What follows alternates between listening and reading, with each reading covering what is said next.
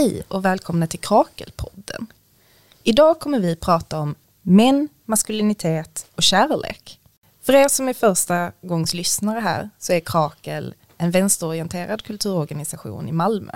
Vi arrangerar bland annat studiecirklar, medlemsmöten och har den här podden. Med oss i studion idag har vi Emma. Hej. Jon. Hallå där.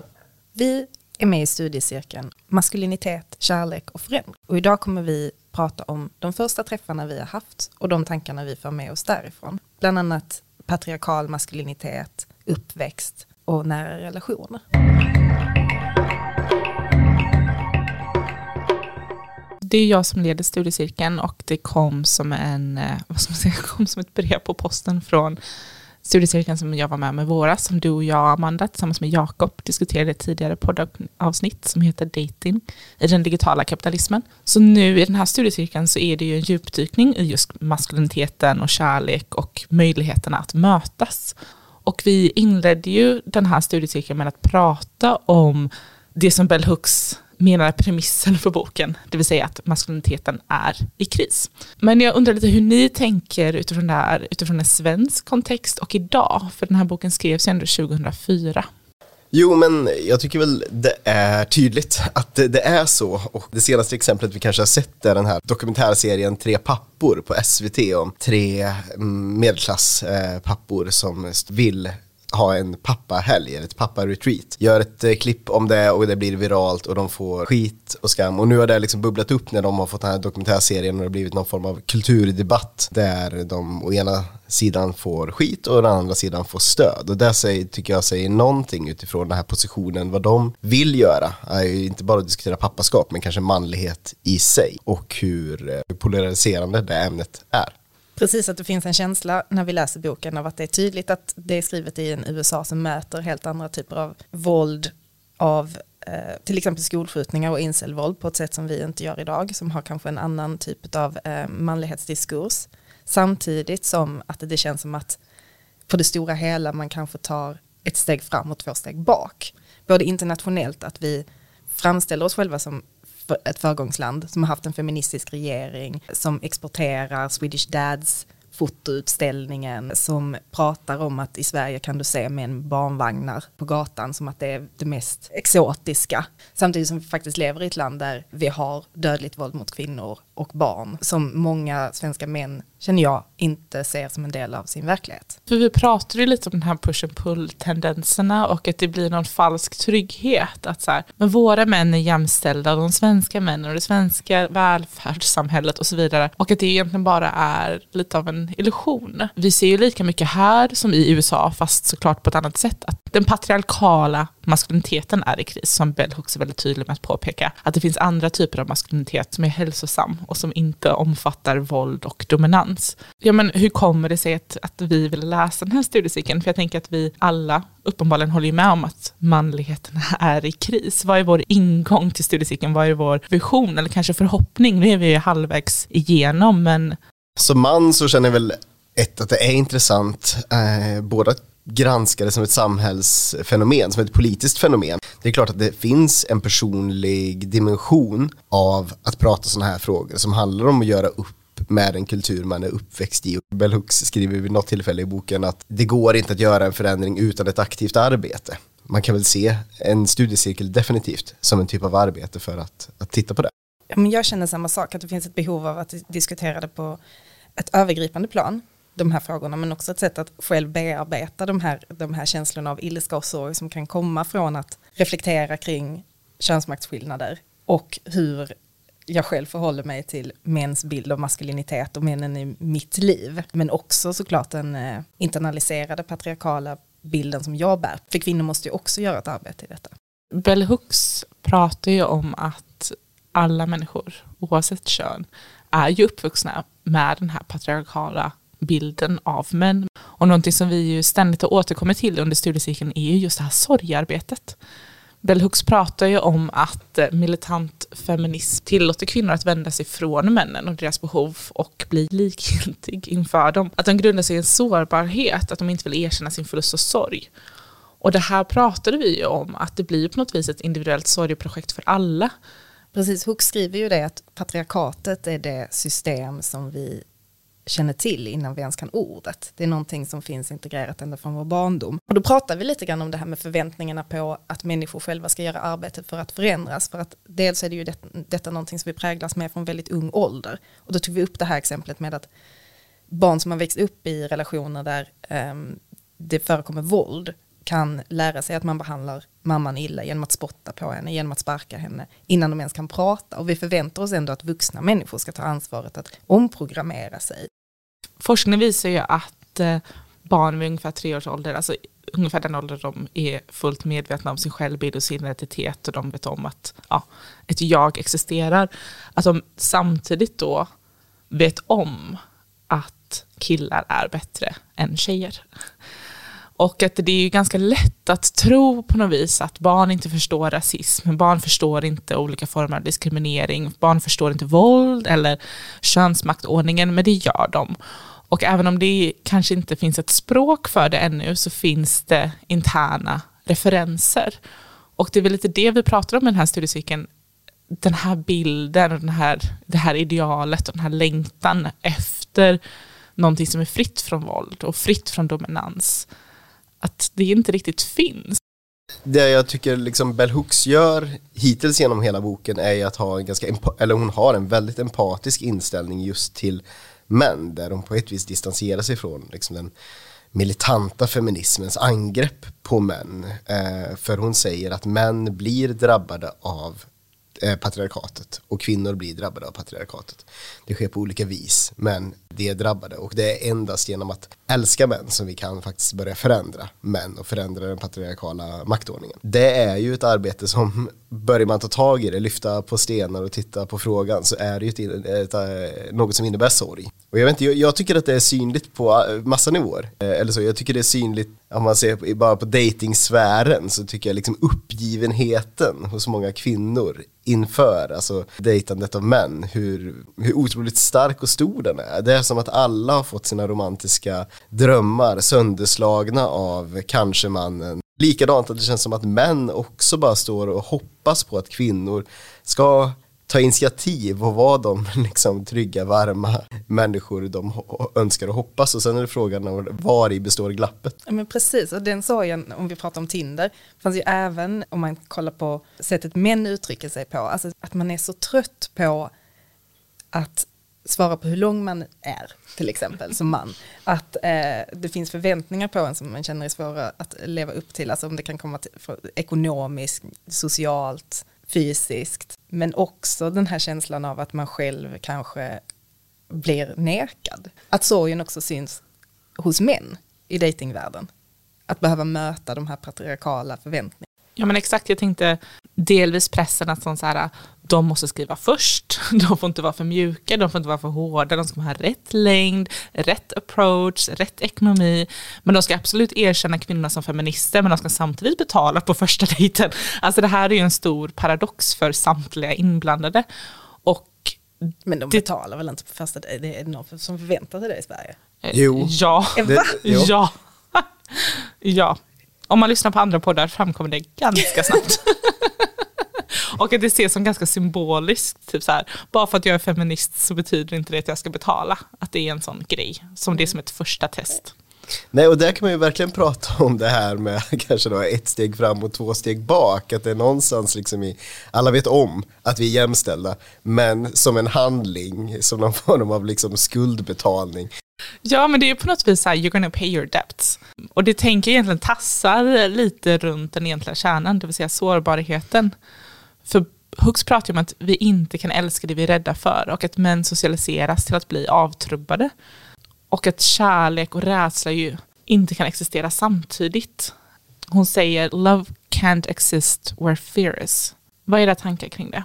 Det finns så många ingångar i det där och det är klart att rädslan är ju någonting som finns tänka rent mänskligt, alltså inför att vara sårbar inför en annan människa, det tror jag finns både hos eh, män och kvinnor eller sådär. Men det finns någonting kanske i rädslan som är svårare i män just utifrån att det finns så många känslor som inte eh, har varit möjliga för män att känna på ett konkret, ärligt eh, plan. sorg eller, och, och sårbarhet för den delen. Att bli sårad av en kvinna är någonting en man inte ska bli. Det är ett statusfall, ett steg bort från maskuliniteten. Och därigenom så finns det ju såklart en rädsla, men det kanske också finns en rädsla att inte bli älskad för den man verkligen är. Och om vi tänker att alla män någonstans, oavsett om de är medvetna eller omedvetna om det, står i någon typ av konflikt med idealet av maskulinitet som finns och tror att det är den idealmannen den här kvinnan förväntar sig, då är det klart att det finns en rädsla om jag inte lever upp till det idealet. Mm.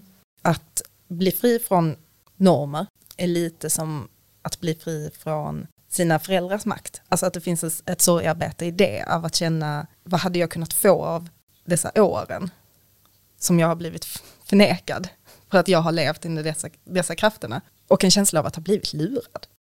Apropå rädsla så skriver eh, Bell Hooks When girls are introduced into womanhood, what is it exactly that they have to say that must be silenced? What is the truth women carry that cannot be spoken? The answer is simple and chilling. Girls, women, and also young boys all share this in common.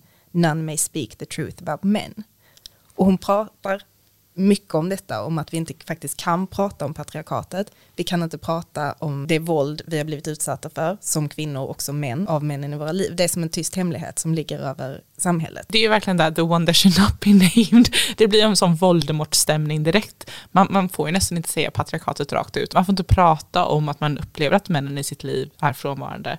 Eller att man själv kämpar med den här avstängdheten, med den här hopplösheten, men också den här sorgen. Det finns ju någon idé och en längtan ibland som man hör när kvinnor pratar om detta, att de bara vill sätta alla män i fängelse. De ska bort. Också ibland rimligt eh, när de är våldsamma och begår brott. Men att det finns en idé av att så här, då är problemet löst och att det är en legitim rädsla och kan absolut vara en rimlig attityd för att man vill bli skyddad. Men det gör ju också att den här isolationen och den här distansen mellan människor bara ökar. Eh, och Jon, du nämnde ju när, när det blir djup djupare, alltså ju djupare känslor, ju ensammare blir man och ju mörkare och tystare blir det på något vis. Att man, språket också försvinner det. Ja, det skulle man ju verkligen kunna säga att, och det går den ju också in på, att pojkar inte uppfostras till ett helt eh, fullödigt liksom, känsloliv. Hon säger att den känslan som, den enda känslan som uppmuntras av patriarkatet är eh, ilska. Man kan förstås tänka att positiva känslor som, eller det vi markerar som positiva känslor som glädje eller sådär, det får ju kännas, men sorg eller eller eh, skam eller skuld och sådana saker är känslor som vi inte lär oss känna, menar hon som ändå. Um, ehm, och det är klart att då lär vi oss inte känna dem kommer vi inte heller få ett språk på dem och får vi inte ett språk på dem kan vi inte prata om dem. Och det leder oss in till det här att ibland, lite som den här lösningen då, att vi skulle kasta alla Eh, killar i fängelse så ibland finns det ju någon form av en eh, one size fit all lösning som är att eh, prata bara lite känslor killar så kommer det gå. Men det är ju jättesvårt om man inte har ord för känslor. Eller för den delen om man är rädd för att bli skambelagd om man pratar om känslor. Någonting som jag tänkte på i den här ensamheten och som också är relaterat till det vi pratar om med att göra upp med patriarkatet, det är känslan av att det är ingen som lyssnar när jag faktiskt pratar ingen som lyssnar när jag faktiskt pratar om feminismen och den patriarkala maskulinitetens roll i samhället, men också när vi pratar om känslor. Vill kvinnor verkligen höra på vad män känner? Men också så kommer jag att tänka på den här Avicii-dokumentären. Kommer ni ihåg den? Ja. Och där finns en scen där han sitter på ett flygplan när han mår, eh, är på väg att må som allra sämst med sina kompisar och han säger rakt ut, jag mår skitdåligt av detta, jag vill verkligen inte. Och den här kompisen svarar någonting i stil med, men du, va? Men du tycker väl det är kul? Alltså den här känslan som vi också pratat om i cirkeln av att säga någonting, av att faktiskt när du väl kan sätta ord på dina känslor så är det ju inte någonting värt ifall människan inte hör och inte kan lyssna. Och även i relationer kan det ju vara så att man säger att kommunikation är lösningen men det är ju faktiskt inte nödvändigtvis bara att sätta ord på det, det är ju att du behöver någon som faktiskt förstår vad det är du säger. Alltså compassion, medkänsla.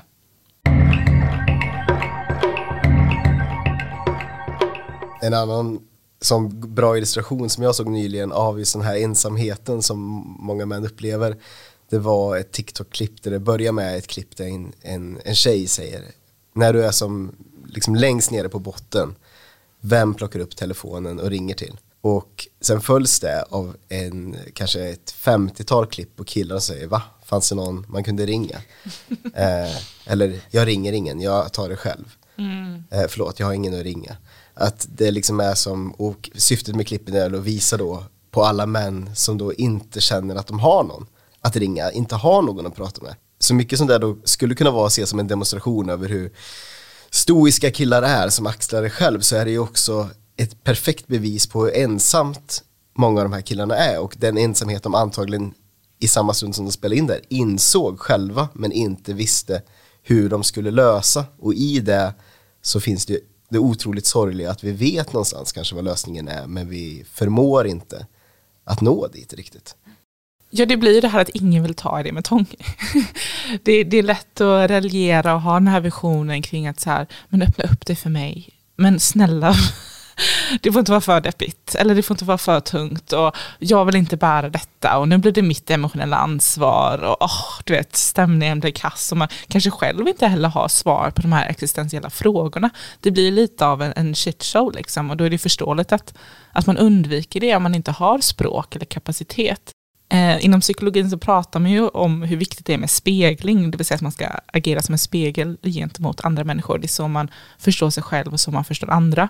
Och jag som har jobbat ganska mycket inom förskolan vet ju att det här är ju, alltså det är på en sån dum nivå, för det är så basic. Men ändå är det så viktigt och så ovanligt att vara sån så här, det ser ut som att du är arg just nu.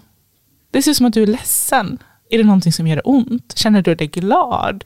Liksom, eh, pirrade lite i magen nu för du tyckte att det var kul. Alltså det, man känner sig ju jättelöjlig när man på något vis övar att utveckla ett sånt typ av narrativ och ett sånt utanifrån perspektiv på situationen där man rakt av bara sätter ord på vad det är som sker. Och samtidigt så finns det så många människor som inte ens kan säga rakt ut att de kanske är ledsna, som inte förstår att stressen de känner i kroppen, oron som finns, sömnproblem, erektionsproblem, huvudvärk, you name it, att allt det kan bottna typ i någonting så enkelt som en sorg. Jag tänker att det eh, är också relevant på en övergripande så samhällsnivå. Att vara den personen som speglar, det är ju kanske det eh, den här känslan av eh, att vara likgiltig inför mäns lidande handlar om. Är detta min roll? Att vara här och påpeka att det behövs ett arbete av att behöva vara den som lyssnar och, och är mottaglig och förklarar mäns sorg och frustration. Men det är ju det den här boken har fått, i alla fall mig att inse att det arbetet är eh, ju nödvändigt. Och för oss alla. Alltså vi alla har ju relationer med män. Eh, män har relationer med män och även om det inte är romantiskt eller sexuellt så har vi fäder och vi har brödrar och vi har kollegor och vi har grannar. Så vi alla måste förhålla oss till män och till oss själva. Och Bell Hooks tycker jag också sticker ut på det här sättet att hon inte har den här äh, försvarsmekanismen av så här, jag tänker inte förklara för dig vad feminism är. Jag tänker inte bära dig och ta allt emotionellt ansvar. Men samtidigt så är hon ingen dörrmatta heller, utan hon försöker hitta någon medelväg att så här, vi är alla sårbara, vi vill alla mötas, vi har samma mål, vi är liksom fucked up på olika sätt, vi har olika förutsättningar, men låt oss på något vis vända oss inåt och på det sättet kan vi möta varandra. Och en sån sak som utvecklas kanske naturligt av arbetet med jämställdhet eller de stegen vi tar det är ju liksom också att mm, man som man kan få olika positioner och få nya positioner hela tiden att förhålla sig till. Ett tag så var ju feministkillar kanske ett hett byte medan de idag är mm, liksom hånade för eh, just att det var en charad. Det var en, en, en, position man kunde ta som gav något tacksamt tillbaka. Om jag tillåts hoppa tillbaka till den här äh, dokumentären om tre pappor. Alltså, det är lätt att se vad de blir hånade för. De företräder någon typ av mjuka värden. Det, mm, och det, de pratar om energier och de dricker kaka. Och, eh, och för all del, det är liksom inte det första tänker jag man behöver kritisera dem för. Utan det första är väl huruvida det här är autentiskt en viktig poäng som gjordes av en eh, krönikör som jag läste en artikel av var att ja men är det kvinnorna som får betala, eh, betala priset eh, när männen gör den här självuppfyllande resan. Eh, två av tre de här männen har liksom skilt sig från sina fruar medan deras barn var ett, eh, liksom inte ens ett år gammalt någonstans i kanske den här resan efter liksom vad män ska vara och det här arbetet män ska göra så får man också fråga är det ett arbete som görs för sin egen skull i kanske den här neoliberala eh, kapitalistiska kontexten av självuppfyllelse som ett mål där du liksom egentligen bara handlar om att ungefär som att springa ett maraton på en bättre tid så ska du bara bli en effektivare, bättre man för det stärker ditt personliga varumärke. Det här låter kanske jättesyniskt och hårt men jag upplever att det finns inom det man kanske kallar manosfären, det är liksom utrymme på nätet som skapats där män ska liksom komma i gruppterapi eller liksom utforska sig själva, bli bättre män så känns det helt och hållet emellanåt som ett extremt själviskt projekt som inte har att göra med att komma andra människor närmre utan att göra sig själv bättre på bekostnad av andra. På bekostnad av kvinnor. För jag tänker det är så himla lätt att vara den som åker iväg på något jävla meditation retreat eller ska få sina sex golftimmar för att kunna vara en bra papi. Eller vad det nu än är. Att, eh, att det är ju någon annan som ser till att livet hålls igång, att relationen hålls igång. Och det finns ju något intressant i eh, debatten kring pappafeministerna. att, eh, att det har blivit en sån vattendelare också bland feminister där man antingen tänker som Bell Hooks också leker ju med, med den argumentationen att man ser ner på män som blir feminister bara för att de har råkat få en dotter typ. Samtidigt finns andra människor som säger, men gud ska vi vara så hård, hårda, liksom? ska vi vara så cyniska, ska vi vara så icke-förlåtande och inte ens liksom, ta emot händerna som sträcks mot oss det blir bättre nu än aldrig och det blir bättre på det här sättet än något annat. Att det, det behöver inte vara någon prestige i hur man tar sig fram. Huvudsaken är att det finns en riktning, det finns motivation och att det finns ett gemensamt mål. Någonting som anknyter till det om hur lätt det är att håna män i deras feministiska uppvaknande i den processen, liksom, oavsett alltså, orden som finns för det, pappafeminister, knullfeminister, det är ju det som eh, Hooks pratar om, att det finns... Ursäkta, men vad är knullfeminister? Är det de som säger att de är feminister bara för att de vill knulla? Ja. Jaha, jag visste inte. Är det här ett vedertaget begrepp? Ja, jag, jag hade inte hört det innan, men jag, men, men jag, förstod, jag förstod vad du menade. Knullfeminist är definitivt ett vedertaget begrepp. Okej, okay, moving on, förlåt. Det var den feministkillar blev kallade efter att de var feministkillar. Helt ja, enkelt. precis. De så kallade feministkillarna, det är någonting som Bell Hooks pratar om, att det finns ingen modell för detta, det finns inget recept för män. Och, och eh, hur viktigt det faktiskt är. Hon pratar om att det finns inget, ingen modell för manligt sorgbearbetning, det finns ingen mo eh, modell för men lite det här med generationstrauma, eller hur? Man har, ingen, man har ingen att lära av. Manliga förebilder har vi pratat en hel del om. Uh, och det är ju därför det är så otroligt lätt att se ner på män som åker till retreats där de ligger och gnider sig mot någon sten i skogen. Alltså ifall ni har sett det klippet, liksom komma i kontakt med urmannen och sådana grejer. Ja men det är jättelätt att ha roligt åt det. För att det finns inget, detta är lite trial and error får jag in, intrycket av när vi pratar om det här jag var inte beredd på den här beskrivningen. Jag har inte sett det här klippet. Jag vill bara det, försvara mitt skratt. Men, vad är det de gör? men jag tycker du har en jätte, jätte, jättebra poäng. Nu känner jag hittills den här inspelningen har varit lite dålig på att liksom lyda Bell Hooks råd om att älska män. Jag har varit ganska raljant mot det kön. Jag vet inte om det är inte ett internaliserat självhat. Eh, men men det är klart att jag får också förhålla mig till det. Om jag ska bli personlig i det här så är det, det är klart att jag behöver förhålla mig till att jag eh, är en man uppvuxen i en patriarkal kultur där jag också har patriarkala drag som jag ibland tänker absolut inte är så dumma att ha och ibland tänker oj vad de här är typ i vägen eller kliver jag på någon annan utifrån hur jag för, liksom, för mig. I syvende och sist så är det ju sant att så här, vi måste ändå göra arbete och det kanske liksom de här tre papporna, de gör åtminstone något. Sen så kan vi fortfarande säga det kanske inte var rätt och den rättmätiga kritiken ska väl alla felaktiga liksom försök ha. Men däremot att bara stå och göra om samma fel om och om igen, det är ju dumhet. Och det är, det är väl det, att vi faktiskt påtalar vi problemet så är ju nästa steg, hur gör vi sen? Och där kan man väl dock ändå säga, vi måste kanske ändå försöka mer.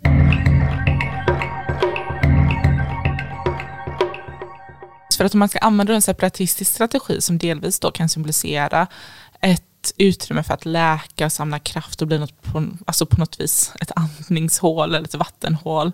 Men å andra sidan så blir det också att man avsäger sig världen och drar en tydlig gränsmarkering. Och det kan ju delvis vara empowering och man kan känna sig stärkt i det. Men frågan är om det verkligen leder framåt. För Bell Hooks pratar ju om det psykologiska patriarkatet, det vill säga att alla människor oavsett kön internaliserar patriarkala tankar, värderingar och handlingar. Och att män då inte har någon kontroll egentligen, att patriarkatet inte gynnar dem trots att de är privilegierade. Och det här är ju absolut en paradox och en, eh, i att delvis vara offer för makthierarki som man samtidigt då får fördelar av. Eh, och det här var ju någonting som vi diskuterade i studiecirkeln. För där var det ju en person som pratade om det här med separatism, att okej, okay, jag existerar i det här queera rummet, jag har gjort det till min värld, men ingen här pratar om sorgen, ingen här pratar om varför vi egentligen är här. Mm. Vad tänker ni om strategier att hantera patriarkatet och att det just är, vad ska man säga, a state of mind snarare än bundet till biologiskt kön? Kanske återigen då, att som kille så finns ju också, alltså den här sorgen är ju inte nödvändigtvis någonting du behöver möta. Den kanske ligger som en uh, underliggande känsla som du faktiskt inte är medveten om. Men alltså många killar upplever ju att det är ganska gött att vara kille och det kommer väl fram i sådana här tydliga liksom jag vet inte, könsmyter som att ja, men tjejer är bara en massa drama, det går att hänga med på killar, då har man kul och så snackar man skit och så är det gött typ. Uh. Dudes gotta be dudes. ja, och ärligt talat så är ju inte det alla gånger en så dum position. Eller så, utifrån att den är kanske ansvarsfri eller bara fri helt enkelt. Man har ett större utrymme att göra vad man vill. Och det är förstås en, en sån sak att åtnjuta då, alltså vad ska man säga, patriarkatet, varför den är bra. Men det som är dåligt märks på ett vis när kanske män konfronteras av feministisk kritik som att så här, män sitter på en massa privilegier och då kommer det förstås men män dör i större utsträckning i arbetsplatsolyckor män tar i större eh, utsträckning livet av sig själva. Och det här är ju då, skulle antagligen Bell Hooks också skriva under på, patriarkala problem. Män är sämre på att ta hand om sig själva. Eh, Kanske inte just med arbetsplatsolyckor eller? Alltså sämre på att ta hand om sig själva.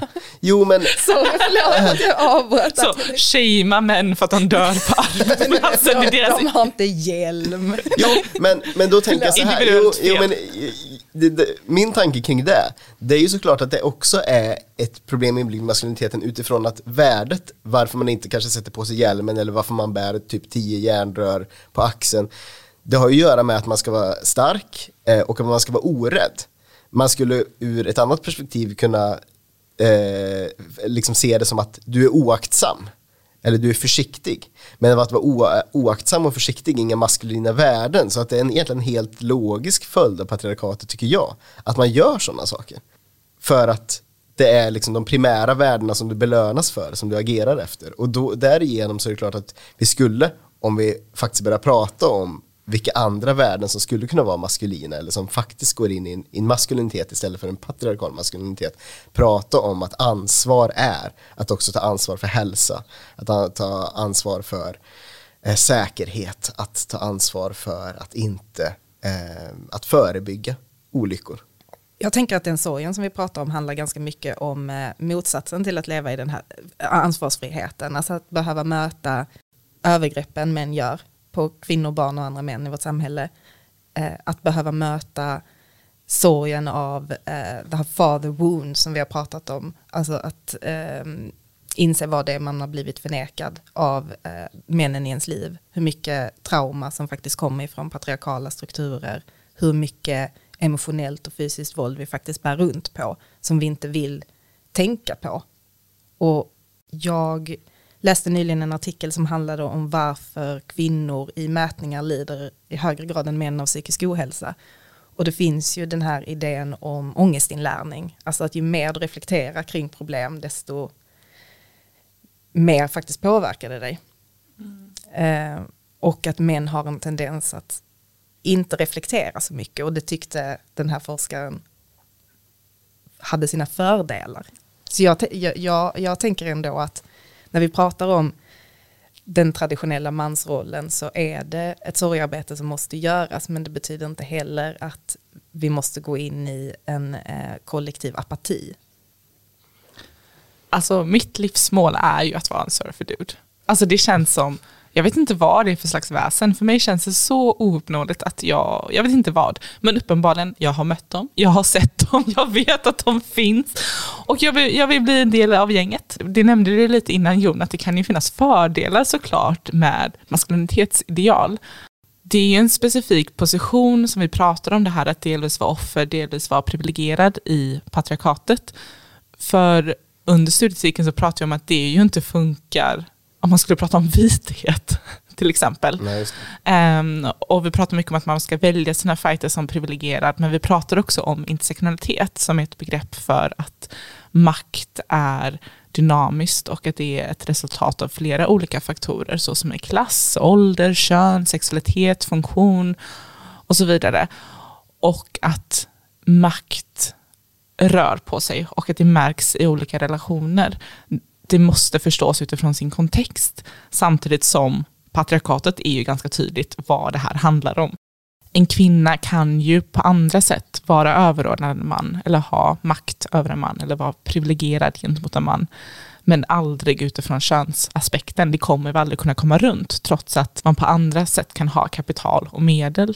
Och Hux pratar om det, kvinnor som eh, internaliserar patriarkatet kan eh, visa dominans och makt mot de som är underställda sig själva. Att det är någonting som vi måste möta till exempel i mödraskap. Farorna med att ha en patriarkal approach även om man är kvinna.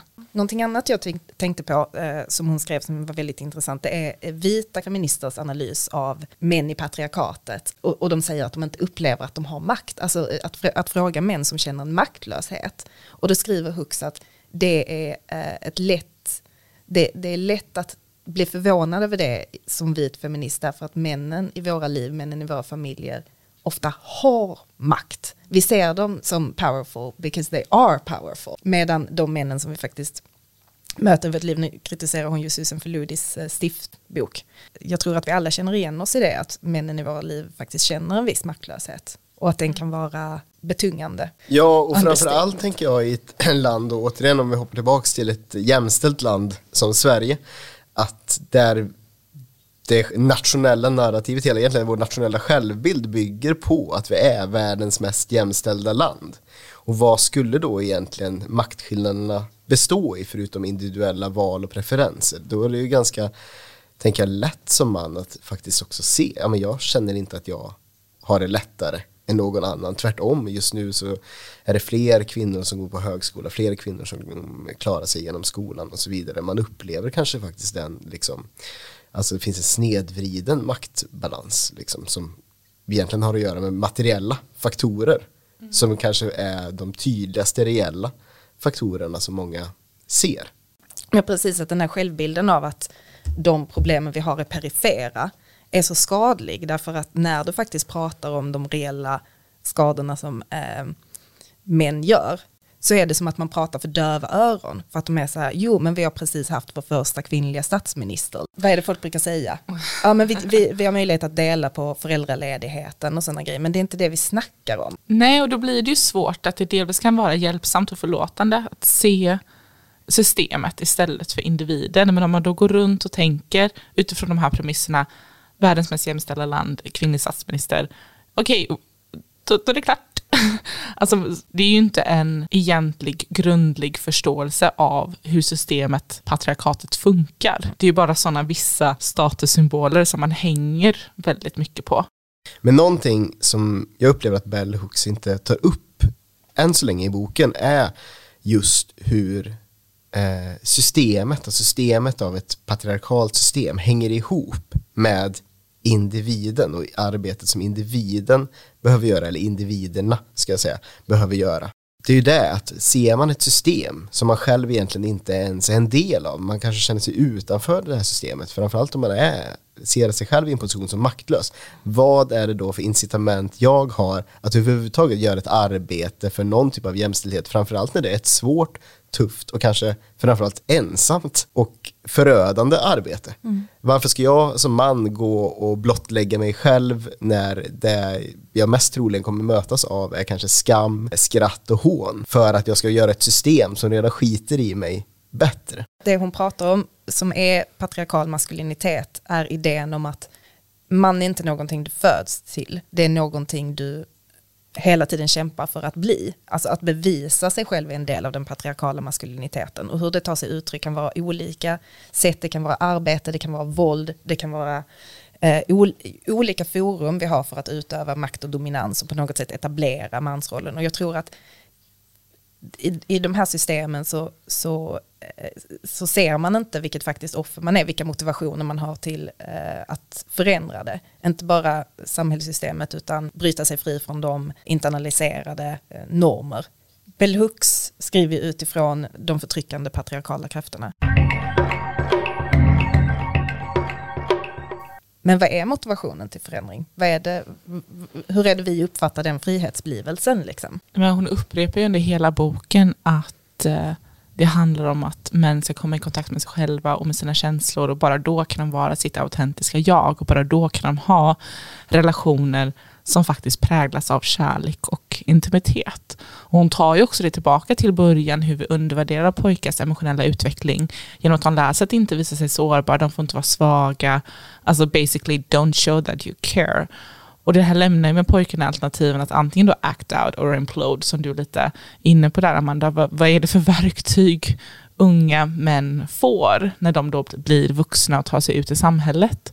Och det här diskuterade vi ju under studiecirkeln utifrån liksom självbild och relationer och samhället i stort.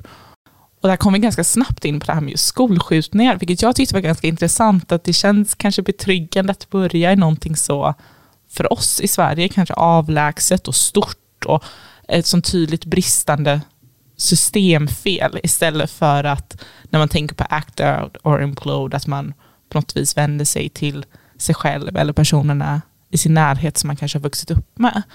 Men vad, vad var era tankar gällande just sårbarheten och Bell Hooks pratar ju om boyhood. Jag tror att det finns ju den här generella sanningen någonstans om att pojkar, små pojkar i större utsträckning liksom får uppmaningen att det var ingen fara, uppres dig när de trillar och slår sig. Sen är det återigen att liksom en pojke som gråter mycket är en besvärlig pojke. Och de signalerna kommer inte bara från föräldrar, de kommer ju överallt ifrån. Hur många gråtande liksom, hjältar har man att se? Hur många gånger blir, eh, vet inte, Batman som jag växte upp med, hur många gånger får man se honom sitta och vara ledsen? Det finns nog fler kvinnliga förebilder ändå som någon gång i något program åtminstone fäller en tår för att någonting inte går som det ska. Och Bell Hooks pratar ju mycket om eh, medier och deras påverkan. Jag tycker inte vi ska lägga alla ägg i korgen medier utan det här är ju ett liksom, samfungerande system men medier speglar ganska ofta verkligheten som vi lever i. Jag tror att pojkar från en tidig ålder får den. Alltså sätta känslorna på insidan, springa och gömma sig vid eh, jobbiga situationer eller bli arga. Jag tänker, vi var inne och pratade lite grann om det här med att bygga upp en självkänsla. Idén om att du faktiskt är värdig även ifall du inte presterar. Att du är en värdig människa även ifall du inte kan hantera den här situationen som pojke. Även ifall du inte lever upp till de här idéerna av maskulinitet som projiceras på dig. Från föräldrar, från samhället, från varandra. Hon, hon pratar ju en del om, eh, och, som vi pratade om vid skolskjutningar, varför just skolan, vad är skolan för ett forum för eh, maskulinitet? Och Hooks gör den här liknelsen mellan penalism i skolor med våld i fängelser apropå det som du sa Jon, hur pojkar fostras. Att vi på något sätt accepterar pojkars antisocialitet som en naturlig del i liksom upp, att växa upp som pojke. Den här ointresset av att förstå, isolering eller att bryta sig fri från föräldrarna och lämnas ensam, att det på något vis är en naturlig del av eh, uppväxten medan det kan vara ett uttryck för en otrolig ensamhet och isolering och hur det är ett verktyg som män bär med sig. Bell Hooks säger ju rakt av genom boken att patriarkal maskulinitet är att vara disconnected och att du ska dominera du ska lyckas på jobbet, också den här kapitalistiska idén om att du ska vinna, du ska erövra, att det är det som är den enda motivationen då, och att unga män inte riktigt vet, eller alla män kanske, och pojkar inte vet hur de ska leva upp till detta utan att då på något vis underminera deras självkänsla. Hon skriver Pojkar programmeras från födseln att tro att de vid någon punkt måste utöva våld, psykologiskt eller fysiskt, för att bevisa att de är män. Detta är inte en del av socialiseringen, det är socialiseringen. Kopplar man den tanken alltså tillbaks till liksom narrativen pojkar ges, kanske genom medier, så tycker jag att det är så otroligt intressant. Alltså pratar vi om det här med kris i maskuliniteten idag. Alltså uppsjön av filmer som handlar om den plågade ensamma mannen vars katarsis kommer genom en blodig hämnd. Alltså går vi från Drive till John Wick till eh, You Were Never Really Here. Alltså alla gamla manliga Hollywoodskådespelare har fått göra minst en film som handlar om hur de på ålderns höst måste ta till våld för att liksom göra upp med, sitt, med sin ensamhet, med sin, sitt såriga jag. Och det leder ju i sig till att det här är en helt accepterad, till och med önskvärd roll för män att ta. För vad är de här männen om inte maskulin? Att bära sin ensamhet, att bära sitt såriga jag med vetskapen om att en dag kanske jag behöver ta till våld och jag kan använda våld det här blir en helt, alltså det är en perfekt position att ta för att du kanske mår dåligt, men du mår dåligt av en anledning. Det leder oss ju såklart in också på incelvåld, skolskjutningar. Vilket det många gånger är attacker som följer ett liknande narrativ av unga män i det här fallet som bär på en smärta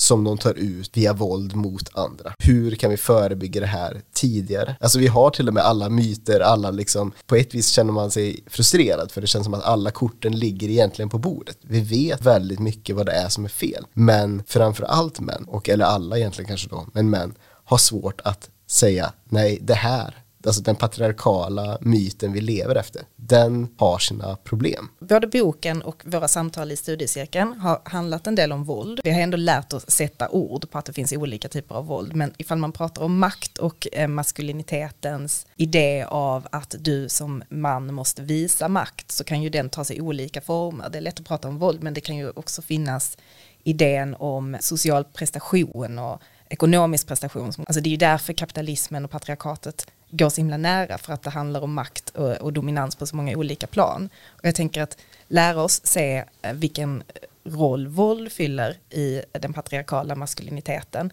och sen se vad det finns för andra typer av makt som premieras i vårt samhälle och hur det knyter an till eh, det, det patriarkatet som unga män uppfostras i. Att vi ändå lever i den här kulturen där eh, man, man måste ta ställning för männen. Det finns vissa extrema exempel och då pratar vi om Andrew Tate till exempel. En hypermaskulin medpersonlighet som har en väldigt eh, problematisk eh, syn på män och kvinnor. Om man plockar bort de här centrala personligheterna från mediediskursen så försvinner inte problemet. Problemet finns där ändå. Det är en väldigt tydlig signal om att det finns en maskulinitet i kris och att vi faktiskt måste bemöta det allt det här berör ju två begrepp som jag också nämnde under studiecirkeln. Kognitiv och emotionell dissonans. Som tyder på att man på något vis inom sig kan dra ett streck eller sätta upp en mur mellan två saker och säga nej men det här har inte med varandra att göra. Jag är en bra kille för jag slår ju åtminstone inte någon. Eller det är bara psykiskt våld och inte fysiskt. Det alltid finns någonting som kan rättfärdiga det andra och att det inte går att koppla ihop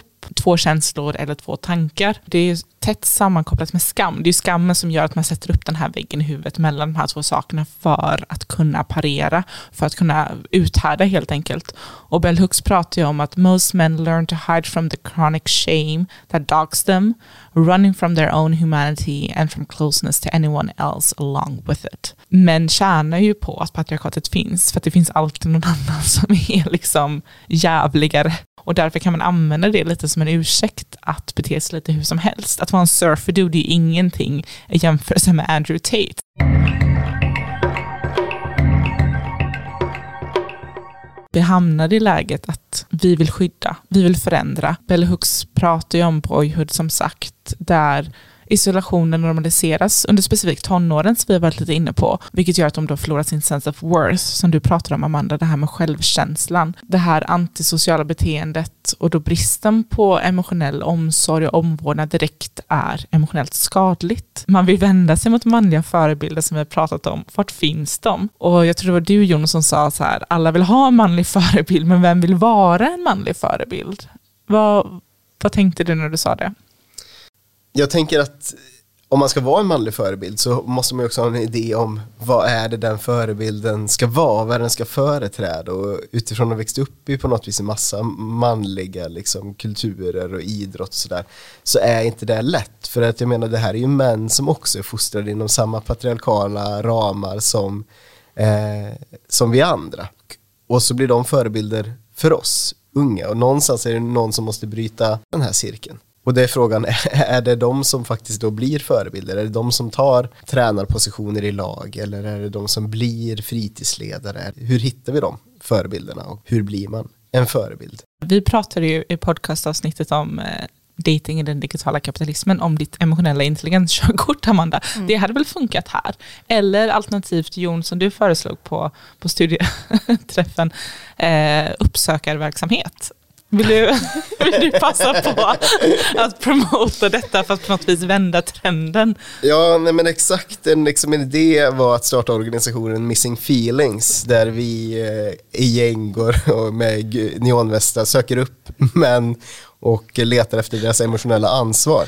Nej men eh, liksom skämt åsido så är det klart att jag menar, jag tror att det här är en diskussion som egentligen killar som är intresserade av det här borde bara kunna prata med varann om vad det faktiskt innebär. För återigen så är den diskussionen, tycker jag, liksom ser jag på mitt umgänge, också ganska frånvarande. Och om vi hoppar tillbaka till tre pappor så en av, eh, eh, en inte helt oväntad kritiker till serien var Jan Emanuel som i sin debattare då gick rakt ut och bara så, det här gör en bra pappa. Och så rabblade han upp en rad egenskaper där han bland annat då nämnde att det handlar inte så mycket om att visa sig svag som att vara stark när det behövs. Och jag kan ju väl egentligen inte helt och hållet säga emot honom att det är klart att det är bra att kunna vara stark när det behövs. Vilket jag liksom inte nödvändigtvis bara upplever som en, en manlig egenskap eller kanske tvärtom så upplever jag väl att det är ganska många ensamstående morsor som axlar absolut att vara stark när det behövs. Vad är det för egenskaper? man, man ska besitta som en förebild. Alltså vad är det man ska vara som man? Ofta tycker jag att upplevelsen att växa upp som man är inte så mycket alla gånger någon som säger vad du ska vara så mycket som vad du inte mm. ska vara. För Bell Hooks säger ju det i sin bok att men do not know what's being asked of them. Vem kan svara på frågan om hur de mår eller hur relationen är eller vad som är en riktig förebild? Och det, det är därför jag tänker att den här uppsökarverksamheten Jon är ju fantastisk för att det initierar ju ett samtal, åtminstone det initierar en början. För att det blir ju på något vis ett projekt att hitta hälsosamma manliga förebilder. Alltså på riktigt en fråga om tid och kapacitet. Att det ju oftast blir typ en, en deltidstjänst. Och bara se till att eh, nästa generation och kanske sin vänskapskrets får typ rimliga referenser. Om det är någonting som vi bara behöver axla så är det väl det gemensamma ansvaret för att få fan en bättre värld. Eller liksom så. Det är lätt för oss att springa iväg om tanken om att också det här manlig maskulinitetsprojektet är ett projekt av bara enkom självförverkligande och det är klart att det är väl otroligt tacksamt när det finns allt fler nischer som gör att du kan tjäna pengar på att bara vara en god människa som positionerar dig mot något annat. Att du kan göra en karriär på att inte vara Andrew Tate. Det här handlar ju om någonting större, för det handlar om kanske det gråa och, och tråkiga och dassiga. Om man tänker på Bell Hooks och hur mycket liksom, kärlek är en del av det liksom, vägledande eh, motivet i den här boken så handlar det faktiskt om någonting väldigt drömmigt, fint och härligt som är att bara komma varann närmare, att faktiskt få vara hela sig själv och kanske nå en surferdude-frihet med plusmeny. Det blev väldigt starkt att det finns den här idén kopplad till maskulinitetsidealet att ifall det är obetalt så finns det ingen motivation till att göra det. Det finns olika sätt att vara närvarande under unga män och pojkars uppväxt där du inte behöver vara perfekt eller ha receptet utan faktiskt bara finnas. Mm. Det finns ju en mängd sätt att engagera sig för att vara den typen av förebild och jag håller verkligen med om att så här, vi kanske måste släppa idén om att det finns en perfekt för att som sagt vi håller på att arbeta fram det här, vad en ny manlighet ska vara. Men det är ju ändå någonting som känner att vara sig själv med en pågående tanke om ett arbete. För att ta oss tillbaka lite till just tonårsperioden som Bell Hooks ju berör, att hon går från boyhood till eh, unga män som isolerar sig, så diskuterar vi i studiecirkeln när uppstår the father wound? Och det här är återigen en psykologisk term för att förklara det här eh, såret och traumat inom en, man kan ju också såklart ha en mother wound och att man bär med sig det här genom livet. När då pojkar blir tonåringar så är det ganska lätt att ta handen ifrån dem. Deras isolation, deras ilska, deras konstiga kropp kroppar och pubertet och hormoner och allt vad det nu är, det lämnar man gärna. Man ser dem inte som lika sårbara och oskyldiga och i lika stort behov av omsorg och kärlek som spädbarn, som man ju gärna romantiserar. Det var ju någon som under studiecirkeln sa alla hatar tonåringar. Ja, det var jag. var det du? Försvara dig Jon. Jag, jag kände att det var ett, ett, ett, ett, kanske ett sorgsamt påstående, men det är ett försvar för tonåringar. Alltså, man ser på bebisar som också går igenom faser där de är äckliga eller jobbiga och skrikiga, men konstant får omvårdnad, närhet och ömhet, så är tonåringar lämnade för sig själva. Man kan inte ta i deras problem, man vill inte ta i deras problem. Tonåringar har vänt sig ifrån kommunikationen kanske med sina föräldrar och reaktionen från föräldrar är inte hur kan jag bygga närhet utan det är nåväl. Alltså jag tror att det var tonåring är väl en av de svåraste perioderna man har i sitt liv. Alltså hur många är det som vittnar om en typ ljuv, god högstadietid? Typ inga. Jag tror verkligen att det är en period där vi måste hitta mer sätt att liksom ta hand om unga pojkar och unga tjejer. Men när vi ser så många problem bland unga pojkar, då tror jag faktiskt att vi behöver ha fler allvarliga samtal om vad vi faktiskt kan göra snarare än att stöta ifrån oss. Eller för den delen göra dem till vuxna som ska fängslas eller straffas för sina beteenden. Jag håller helt med där. Bellux skriver Teenagers are the most unloved group in our nation. Som är lite väl extra. Jag förstår vad hon försöker komma till. Hon försöker komma till just det som du säger John också. Att vi lämnar dem vara det anknyter också till när vi pratade om hur det är som man att möta vården. Om man till exempel ätstörningsvård så finns det terapigrupper specifikt för tjejer ju, inte för killar. Och att det inte läggs så mycket kraft på att stärka eh, unga pojkar för att de har ju så mycket resurser eh, ytligt sett. Det här uttrycket boys will be boys används ju ofta liksom som att så här, ja, det är klart killar får ju alltid det, vad skönt för dem. Men när det kommer framförallt till tonåringar så är ju det också någonting som förr eller senare kanske kommer skada dem.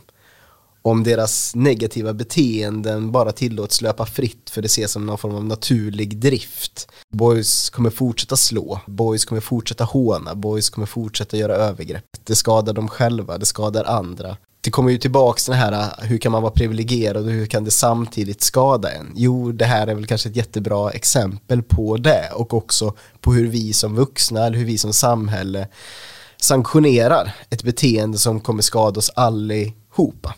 Mm. Precis, en liten liknelse till det uh, som också har att göra med den kognitiva dissonansen. Det är det här uh, människoföraktet eller mansföraktet som också finns bland män. I, idén om att vissa typer av våld och övergrepp kommer vi aldrig kunna stoppa. Det kommer alltid vara så. En vuxen version av boys will be boys. Vi kommer alltid ha människor som vill begå övergrepp. Att den attityden också är uh, ett symptom på hur boys will be boys tankesättet är djupt inrotat det hänger väl ihop med det här problemet som vi var inne på innan. Hur vi inte får påtala mm. vad problemet med maskulinitet är. Att vi hade behövt analysera vad vi faktiskt säger när vi säger boys vill vi boys. Eller vad vi säger med att det alltid kommer finnas ett eh, visst våld. Och jag tänker också att det hänger ihop med när man till exempel påpekar mönstret av att män begår eh, flertalet våldtäkter. Så kommer någon och säger, ja men det kommer alltid finnas idioter att vi individualiserar på något vis det maskulina våldet till att vara enskilda rötägg eller enskilda monster och ju mer vi kan göra dem som icke-mänskliga, ju mer, ju mer vi kan säga att det här, inte, det här är ingen man, det här är ett monster, desto längre bort för vi diskussionen för vad som kanske ändå är kärnan, som är en problematisk patriarkal maskulinitet. Våldet från män är en öppen hemlighet av att vi inte kan dela med oss av eh, det vi vet om eh, vad män har gjort mot oss. Det är så privat.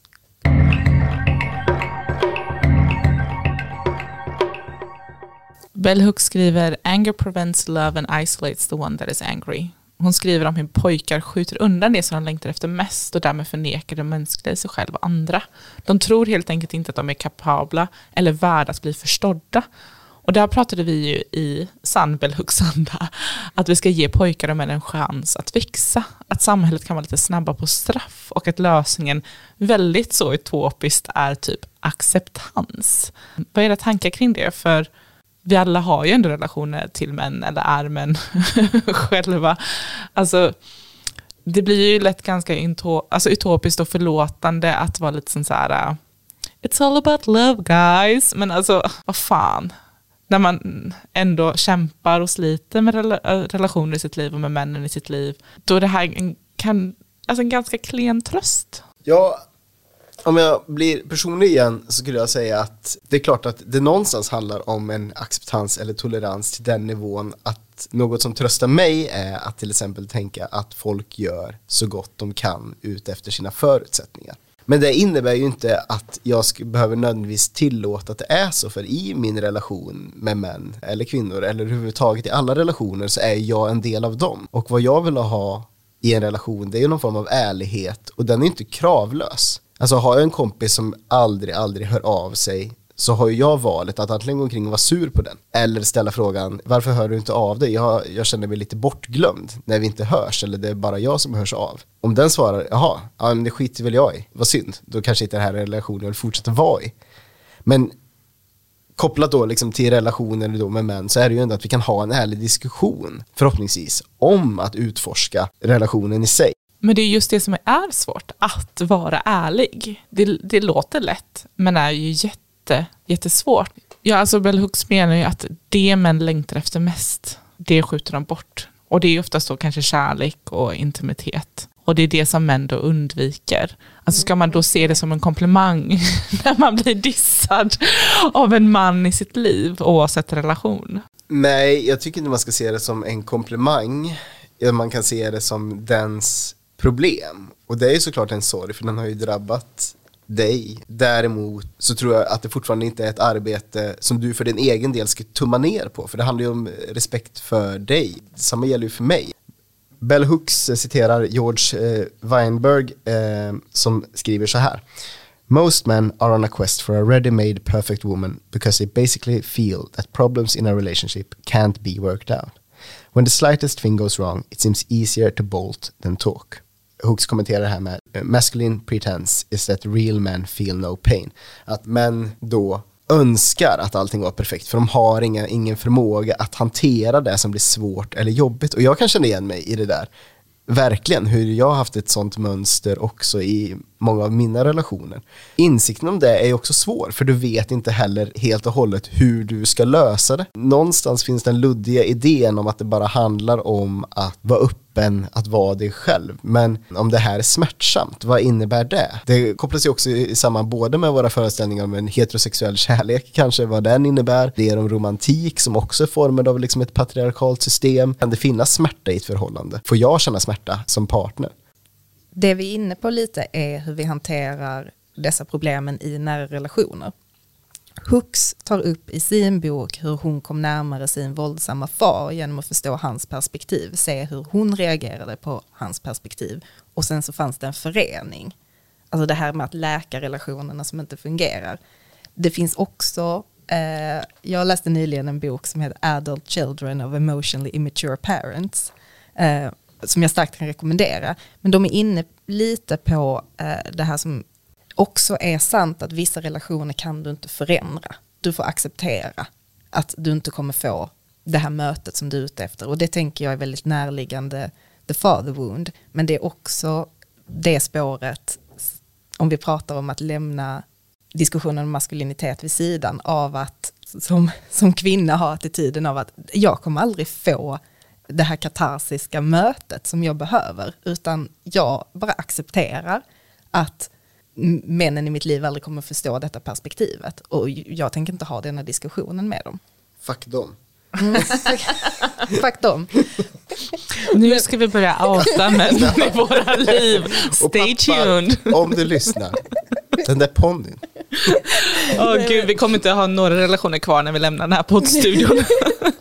Bränt alla broar. Det jag, tänkte, det jag tänkte på var hur vi kan säga att de mönstren vi gör på ett övergripande plan också kanske speglar de mönstren som vi har med oss in i våra personliga nära relationer.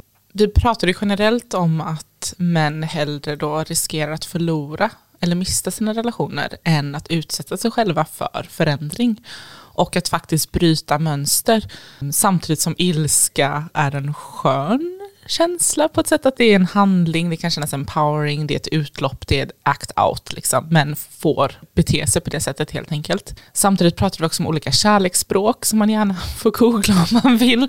Att det är väldigt lätt att premisserna för en kärleksrelation är antingen eller. Antingen så ska man vara den här öppna, verbala kvinnan som eh, är liksom projektledare, eller så ska man vara Eh, den här mannen som bara jag köpte blommor, jag tog ut soporna, alltså som gör de här praktiska handlingarna. Och eh, idén om kärleksspråk är att det finns fem olika sätt att visa sin kärlek och uppskattning på. Och att alla har en eh, symbolisk bägare inom sig och att man absolut kan uppskatta olika språk men att det kanske bara ens egna primära kärleksspråk som fyller på bägaren på riktigt. Och där tror jag att många går om varandra, eh, även i då alltså kärleksrelationer mellan barn och föräldrar eller vänner och så, att man inte riktigt når varandra i rätt kärleksspråk. Det är svårt att veta om man ska tänka så här otroligt individualiserat, men någonstans måste man också börja i att försöka möta varandra, eftersom att vi också konstaterar att det finns en brist på politiska insatser och att alla ju faktiskt är en del i att isolera män, även kvinnor, och att vi typ inte orkar förstå oss själva eller varandra. Och det är just det som är den här sorgen. För forskning visar ju liksom att kvinnor ansvarar mer för relationer och mäns mående och om den manliga partnern inte är feminist så är det också på något vis kvinnans fel. Och där nämnde du ju Jon att män helt enkelt trycker på den här kända escape button. För att det blir för mycket att ta helt enkelt. Man känner inte att man kan leva upp till de förväntningar som finns. Så tror jag att många, många känner, eller liksom det finns ju någon så allmän kliché över det här mannen som går till baren och pratar med någon annan man om att eh, kärringen bara tjatar hemma och hon aldrig är nöjd typ. Och är det, är göteborgska? Ja, okej, en skaplig göteborgska skulle jag säga. Ja. Bara kolla. Och jag tänker så här att det är klart att det finns ju någonting i det du säger om kärleksspråk och hur man inte ko- förstår, inte kommer överens. Men det finns ju också någonting i vad, tänker jag då, män inte förstår om sig själva eller vad de önskar eller behöver eller vad de inte känner att de kan kräva eller vill ha. Ehm, det kanske är att liksom föregå, men att, liksom att, att män, det enda män vill ha ut av ett förhållande är sex och jag vet inte, praktiska göromål eller någonting sånt. Men Hooks är ju väldigt liksom, tydlig med att män vill ha mycket mer, män vill också ha intimitet och vill ha kontakt. Men de förnekar sig det själva så som vi pratat om här, de förnekar sig det. Eh, kanske på grund av risken av smärta, men jag skulle också väva in det att på grund av att man faktiskt inte förstår sina egna emotionella behov och att det ligger så inbänd, inbäddat i maskuliniteten som man så desperat försöker förhålla sig till att inte behöva det, att inte behöva närhet, att inte behöva någon som lyssnar, att inte behöva den typen av omhändertagande. Det är väl därför det finns någonting som fortfarande är så utmanande med en man som ber om att få vara lilla skeden. Nästa kampanj som startas i ditt namn Jon.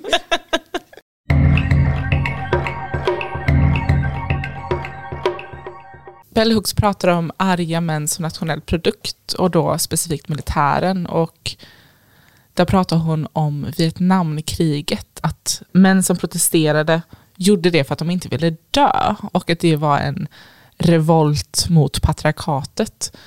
Och hon skriver även att det är oundvikligt att män vid någon tidpunkt måste utöva våld för att bevisa att de är män. De måste döda eller då bli dödade. Hon skriver om hur patriarkatet påverkar relationen mellan mor och son också. Och här nämnde hon ett exempel som fastnade hos mig som var Smash Their Mummies intervjuerna där unga barn, alltså pojkar, blev intervjuade utifrån typ Hulken, vad de ville göra och alla utav dem ville typ smash their mummies, alltså de ville vara aggressiva och slå sina mödrar samtidigt så visar forskning på hur ensamstående mammor är mer patriarkala, kompenserar för att det inte finns en man i familjen, antingen genom att bli mer patriarkala själva, eller har ännu högre förväntningar på sina söner, att de ska fylla den här rollen. Men å andra sidan finns det då män som vill ha de här symboliska modersubstituten, men även kvinnor som i någon form av manshem då, som går ut över sönerna. Vad hade ni för tankar kring våldet och just relationen mellan mor och son?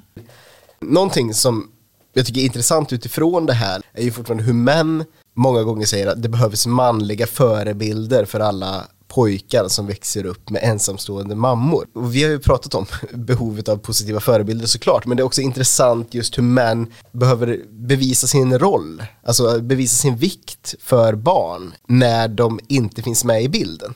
Och då är väl frågan varför? Och ofta känns som svaret på det är för annars blir inte pojkar riktiga män. Mm. Det finns en rädsla för att pojkar inte ska bli som papporna då, som inte finns med i bilden. Är det våldskapitalet som man är rädd att de kommer sakna? Att det finns ju, det finns ju en idé om att, eh, en fe, eh, att feminina pojkar är mindre värda. Eh, den saken är det som fortfarande är viktigt för vuxna män att liksom ha ordning på genom att påtala för ensamstående mammor att det måste finnas manliga förebilder mm. till exempel. Du berör ju någonting väldigt viktigt där som Bell Hooks även nämner, det vill säga homofobin.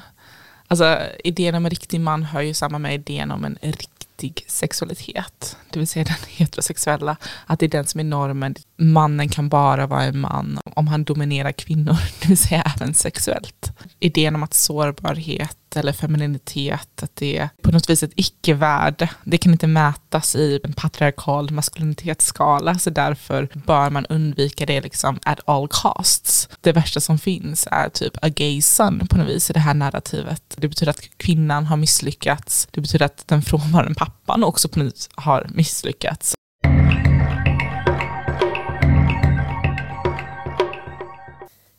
Jag tänker när jag lyssnar på det som vi har pratat om idag, att det handlar ganska mycket om att skapa förutsättningar för framtida män, framtida generationer. Vad är det vi på ett samhälleligt plan behöver göra eh, och vilken syn ska vi ha på sund maskulinitet? Samtidigt så känns det sorgligt att säga vår generation är redan fakt.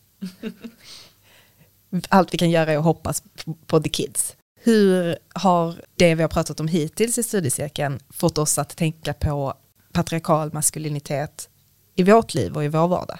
Nej men det jag framförallt har tänkt på det är just att inte ha en deterministisk syn, som att vi är körda.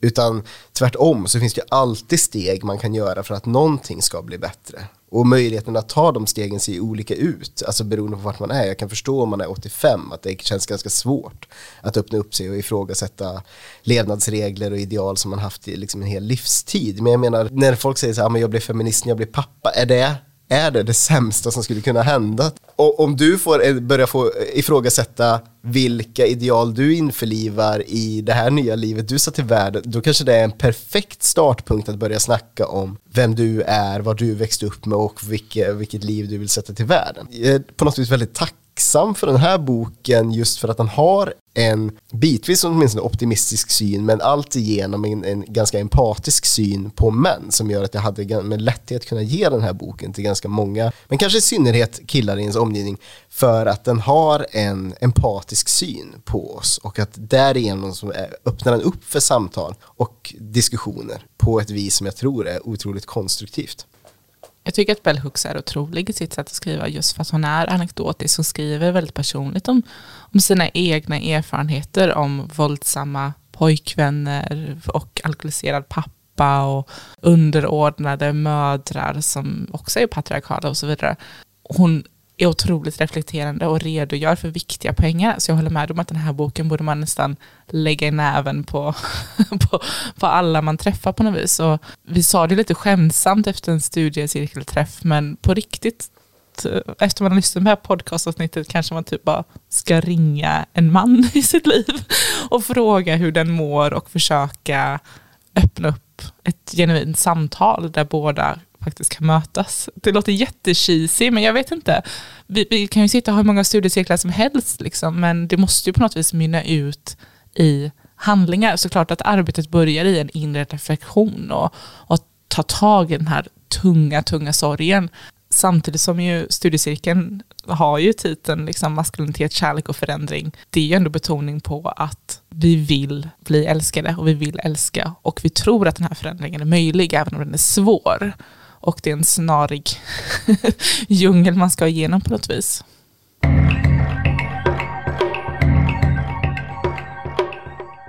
Tack för att du har lyssnat på dagens avsnitt. Så idag har vi diskuterat hur den patriarkala maskuliniteten tar sig uttryck i våra egna liv och våra egna erfarenheter. Vi kommer återvända till den här diskussionen och prata om andra halvan av Bell Hooks bok i en framtida podcast.